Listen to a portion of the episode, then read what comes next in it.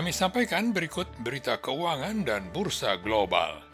Indeks Dow Jones di New York naik 249 poin, ditutup pada 25.727. Indeks Standard Poor 500 naik 23,4 poin, ditutup pada 3.078. Dan indeks Nasdaq naik 58,9 poin, ditutup pada 9.608. Di Asia, indeks Dow naik 27,5 poin, ditutup pada 3050. Indeks Nikkei naik 263 poin, ditutup pada 22.325. Dan indeks Hang Seng di Hong Kong juga naik 263,4 poin ditutup pada 23.995. Di London, indeks Financial Times naik 53,7 poin, ditutup pada 6.220. Indeks DAX di Jerman juga naik 434 poin, ditutup pada 12.021. Dan indeks CAC di Paris naik 96 poin, ditutup pada 4.858 harga minyak mentah Brent naik 1 dolar 34 sen, ditutup pada 39 dolar 66 sen per barrel.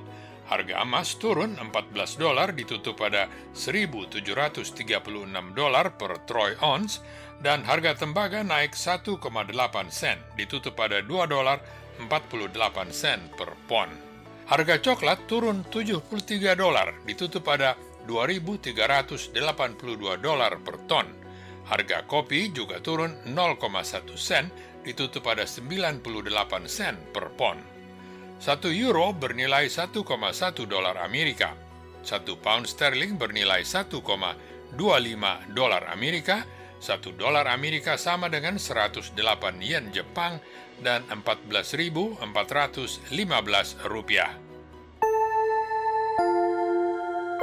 The Voice of America. Uni Eropa hari Selasa mulai mengadakan lobbying intensif di Brussels untuk menyiapkan perombakan besar-besaran peraturan yang sudah berlaku puluhan tahun untuk mengontrol penggunaan Facebook, Google, dan berbagai perusahaan raksasa teknologi lainnya. Uni Eropa minta masukan dari publik dan pemerintahan di Eropa sebelum mengungkapkan peraturan baru itu pada akhir tahun yang akan disebut sebagai Undang-Undang Layanan Digital. Bagian penting rancangan undang-undang ini dianggap sebagai prioritas bagi negara-negara Uni Eropa dan bisa digunakan sebagai standar internasional yang baru untuk mengawasi secara lebih ketat bagaimana berbagai layanan internet mengatur tentang disinformasi, data pribadi, dan bagaimana memperluas bidang bisnis mereka.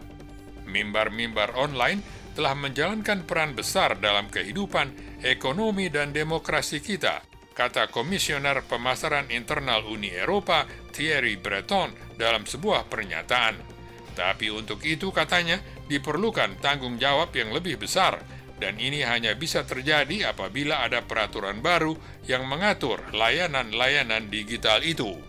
Para responden diberi waktu sampai bulan September untuk memberikan masukan mereka dan rancangan peraturan yang disusun oleh kantor komisioner itu akan dikeluarkan pada bulan Desember. Rancangan tadi kemudian bisa diperbaiki atau diubah dan diratifikasi oleh negara-negara anggota Uni Eropa dan Parlemen Eropa.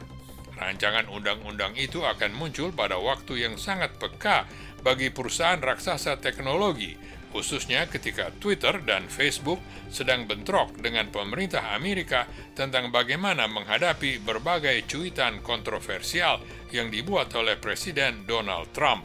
Peringatan yang ditambahkan oleh Twitter pada cuitan Presiden Trump telah membuat marah Presiden Amerika itu yang mengancam akan mencabut perlindungan bagi platform internet itu dari kemungkinan tuntutan hukum yang diajukan oleh pihak ketiga. Sekian catatan harga saham, komoditi, dan mata uang.